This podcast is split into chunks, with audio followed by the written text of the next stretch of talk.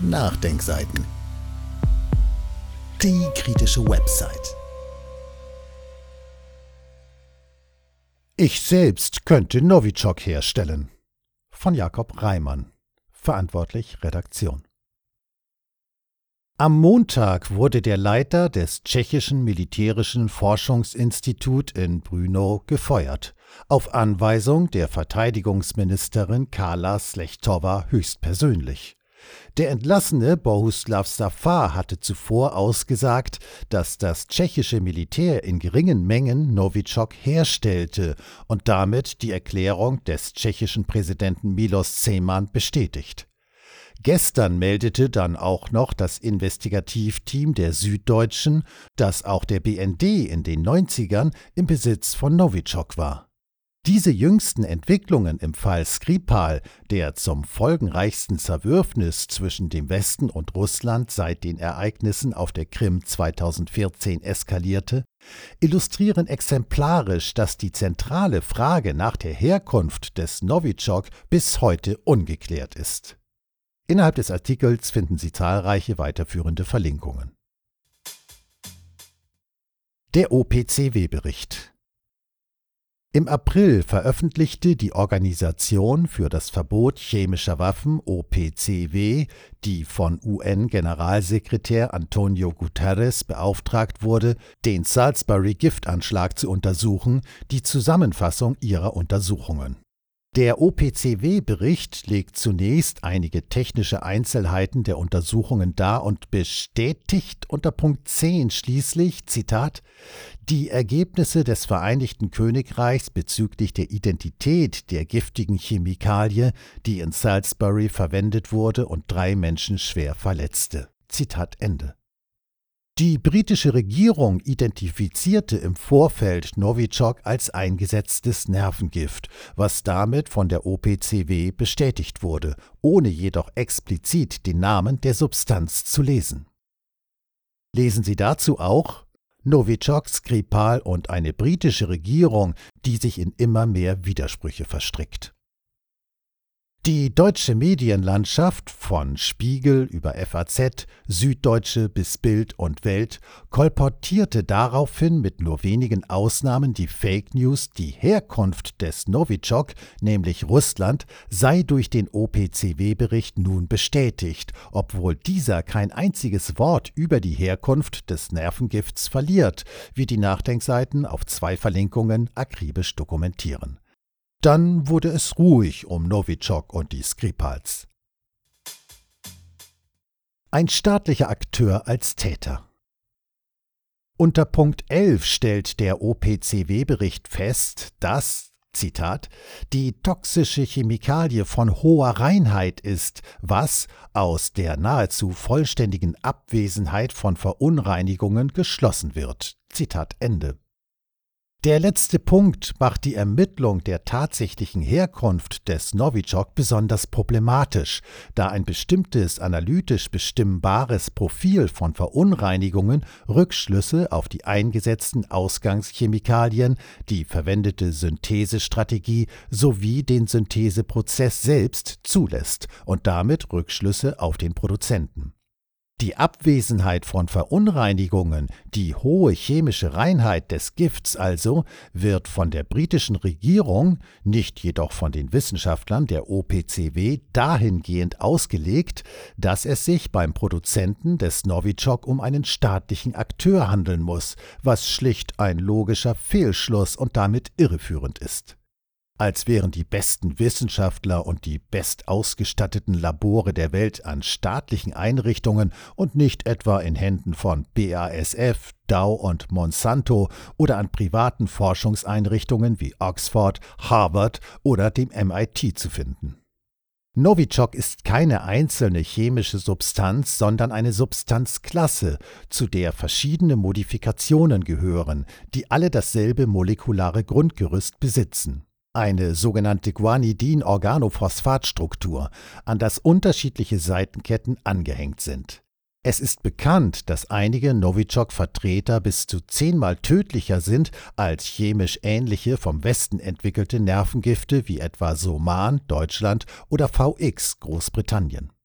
Darüber hinaus wissen wir relativ wenig über Novichok, die Weltöffentlichkeit wurde lange Zeit im Dunkeln gelassen. Allen voran mangelte es über Jahrzehnte an Kenntnissen über die genauen chemischen Formeln und die Synthese des Nervengifts.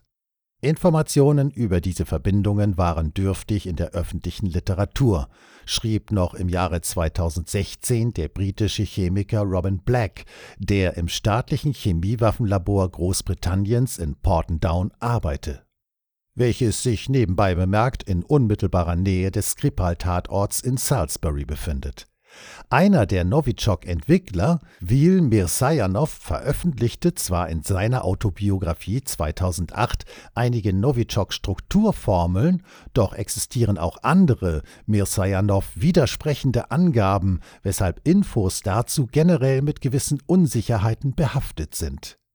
Keine unabhängige Bestätigung der Strukturen oder der Eigenschaften dieser Verbindungen wurde veröffentlicht, meint Robin Black daher. Aufgrund der außerhalb Russlands vermeintlich nicht sicher bekannten Strukturen schloss London, es muss Moskau gewesen sein. Doch es bleibt ein offenkundiger Logikfehler bar jeder Vernunft. London unterstellt eine zwingende personelle Kausalität zwischen der Entwicklung einer Waffe und der mutmaßlichen Täterschaft eines mit dieser Waffe durchgeführten Verbrechens. Würde ernsthaft jemand die Täterschaft des grauenhaften Sarin-Angriffs im syrischen Ghouta im August 2013 der deutschen Bundesregierung zuschreiben, weil Sarin schließlich in den 1930ern in deutschen Nazilaboren entwickelt wurde? Welcher Akteur einen Kampfstoff ursprünglich entwickelt hat, kann gewiss ein Indiz für die Täterschaft eines Verbrechens sein, doch nur ein Narr würde behaupten, es handle sich um einen Beweis. Der Autor dieses Textes könnte Novichok synthetisieren.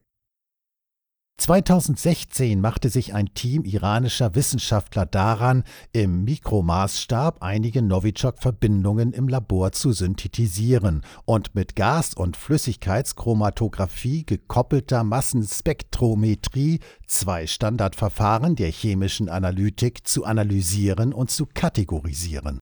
Zum sicheren Nachweis von Substanzen in unbekannten Stoffgemischen, wie in den Proben des Salisbury-Anschlags, bedarf es möglichst umfangreicher Datenbanken von Referenzsubstanzen, um die entsprechenden Daten abgleichen zu können auf dem Gebiet der Chemiewaffen werden diese Datenbanken von der OPCW gepflegt und die Novichok-Daten der iranischen Forscher wurden dankend in die OPCW-Datenbank übernommen.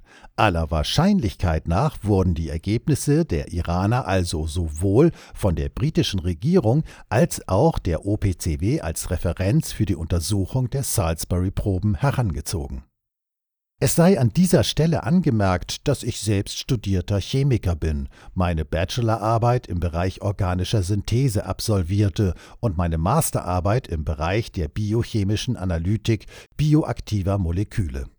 Ich habe die Arbeit der iranischen Wissenschaftler, die öffentlich zugänglich ist, aufmerksam gelesen. Die Herstellung des Novichoks ist relativ überschaubar und umfasst nur zwei Reaktionsstufen. In meinem Bachelor-Arbeitsprojekt arbeitete ich an einer Synthese, die 20 Stufen umfasst. Die Ausgangsmaterialien und Reagenzien sind relativ leicht zu handeln und billig zu erwerben. Mit vielen habe ich selbst im Labor gearbeitet. Die Grundstoffe kriegt man in jeder Chemiehandlung, sagt daher auch Wladimir Ukliow, einer der sowjetischen Chemiker, die Novichok in den 1970ern entwickelten, im Interview mit dem Spiegel. Die Iraner erhielten ihre Chemikalien zur Novichok-Herstellung von zwei deutschen sowie einem US-Chemikalienhändler. Ich will hier die Novichok-Herstellung keineswegs trivialisieren. Sie ist ohne Wenn und Aber lebensgefährlich. Anders als bei weniger tödlichen Giften wie beispielsweise Senfgas ist es daher ausgeschlossen, dass etwa Al-Qaida-Terroristen in halb ausgebombten Kellerlaboren in Syrien Novichok zusammenkochen oder Alt-Right-Nazis im Breaking Bad-Style in einem Crystal-Meth-Labor in der Wüste New Mexikos. Es bedarf zweifelsohne professionell ausgebildeter Chemiker sowie eines gut ausgestatteten Labors mit hohen Sicherheitsstandards. Die iranischen Wissenschaftler synthetisierten ihre Novichok-Verbindungen in einem Laborabzug, ähnlich der Art, wie wir ihn alle aus dem Chemieunterricht kennen, der mit einem speziellen Aktivkohlefiltersystem nachgerüstet wurde. Die maximal potenten Novichok-Vertreter, wie sie wahrscheinlich in Salisbury eingesetzt wurden, sollten hingegen in einer sogenannten Glovebox hergestellt werden, einem luftdichten Metallkasten, in dem mit Hilfe integrierter Butylhandschuhe sicher von außen gearbeitet wird. Eine Glovebox ist zwar relativ teuer, findet sich jedoch in den meisten gut ausgestatteten Chemielaboren dieser Welt. Es wird oft behauptet, für den Salisbury-Anschlag gäbe es nur zwei mögliche Erklärungen. Entweder wurde er mit geheimen Novichok-Beständen vom Kreml selbst ausgeführt, oder Russland habe die Kontrolle über seine Bestände verloren und das Novichok wurde von einer Drittpartei entwendet und Kreml unabhängig eingesetzt. Leonid Rink, einer der russischen Wissenschaftler, die am Novichok-Programm arbeiteten, gab in den 1990ern unter Drohungen gegen seine Familie nachweislich mehrere Fläschchen des Giftes an mindestens zwei Personen weiter, einer davon mit Kontakten zur lettischen Mafia. Jedes Fläschchen mit gerade einmal 0,25 Gramm Novichok entspricht rund 100 tödlichen Dosen, die bei entsprechender Lagerung auch 20 Jahre später noch töten und an den meistbietenden weiterverkauft werden könnten. Eine weitere Möglichkeit scheint Medienexperten, Politikern und Kommentatoren nicht in den Sinn zu kommen. Das in Salisbury eingesetzte Novichok hätte problemlos in einem Chemielabor irgendwo auf der Welt produziert werden können. Von wem, wo und warum auch immer. Das tschechische Militär hat es 2017 synthetisiert, ebenso iranische Wissenschaftler im Jahr zuvor, die ihre Ergebnisse allgemein zugänglich in einem wissenschaftlichen Journal veröffentlichten, mit höchst chemischer Reinheit, wie beim Salisbury-Anschlag. Labore wie jenes in Teheran oder Brno mit der nötigen Ausrüstung, Zugang zu Chemikalien, Know-how und dahingehend gebotene Sicherheitsstandards gibt es Tausende auf der Welt, Zehntausende, Hunderttausende geheime wie öffentliche, private wie staatliche. Ich selbst könnte Novichok in Salisbury Reinheit herstellen. Die Schlussfolgerungen der britischen Regierung entbehren jeder wissenschaftlichen Grundlage, sind damit höchst unseriös und dienen einzig dem Zweck der Dämonisierung Russlands. Ich bestreite nicht, dass Moskau hinter dem Salisbury-Attentat stecken könnte, ja, dass gar Putin höchstpersönlich den Befehl dazu gegeben haben könnte. Aber wenn es mir persönlich im höchsten Maße unplausibel erscheint, mag es nach einer neu auferlegten bizarren kalter Kriegerlogik aus Täuschung und psychologischer Kriegsführung plausible Szenarien einer russischen Täterschaft geben, so wie es bei weitem plausiblere Szenarien einer Täterschaft jener Akteure gibt, deren lange Vergangenheit von Kriegseintrittslügen wohl dokumentiert ist. Wer als Staatslenker rechtsstaatlicher Demokratien das Regierungshandeln hingegen auf ideologisch getränkte, vermeintliche Plausibilitäten gründet, ohne objektiv überprüfbare Beweise vorzulegen, verlässt den Weg des Rechtsstaats und begibt sich auf den Pfad der Tyrannei. Jakob Reimann bloggt auf Justice Now. Er hat im Sommer 2014 sein Masterstudium in Biochemie in Dresden absolviert und arbeitet mittlerweile an der Naturwissenschaftlichen Fakultät der An-Nayar National University in Nablus, Palästina. Er forscht über die Auswirkungen chemischer Industrieanlagen auf Umwelt und Gesundheit der Menschen in der Westbank. Er ist zudem freiwillig für die Flüchtlingsorganisation PICUM tätig. Dieses Audio konnte nur entstehen, weil zahlreiche Leser und Leserinnen die Nachdenkseiten fördern und durch Spenden unterstützen. Wenn Sie auch etwas tun wollen, klicken Sie einfach den entsprechenden Button auf unserer Website an. Übrigens, Sie können uns auch bei iTunes, SoundCloud und YouTube hören und wenn Sie mögen, gerne unseren Kanal abonnieren und eine positive Bewertung für uns abgeben. Wir freuen uns über Ihre Unterstützung und die Weiterverbreitung unserer Inhalte.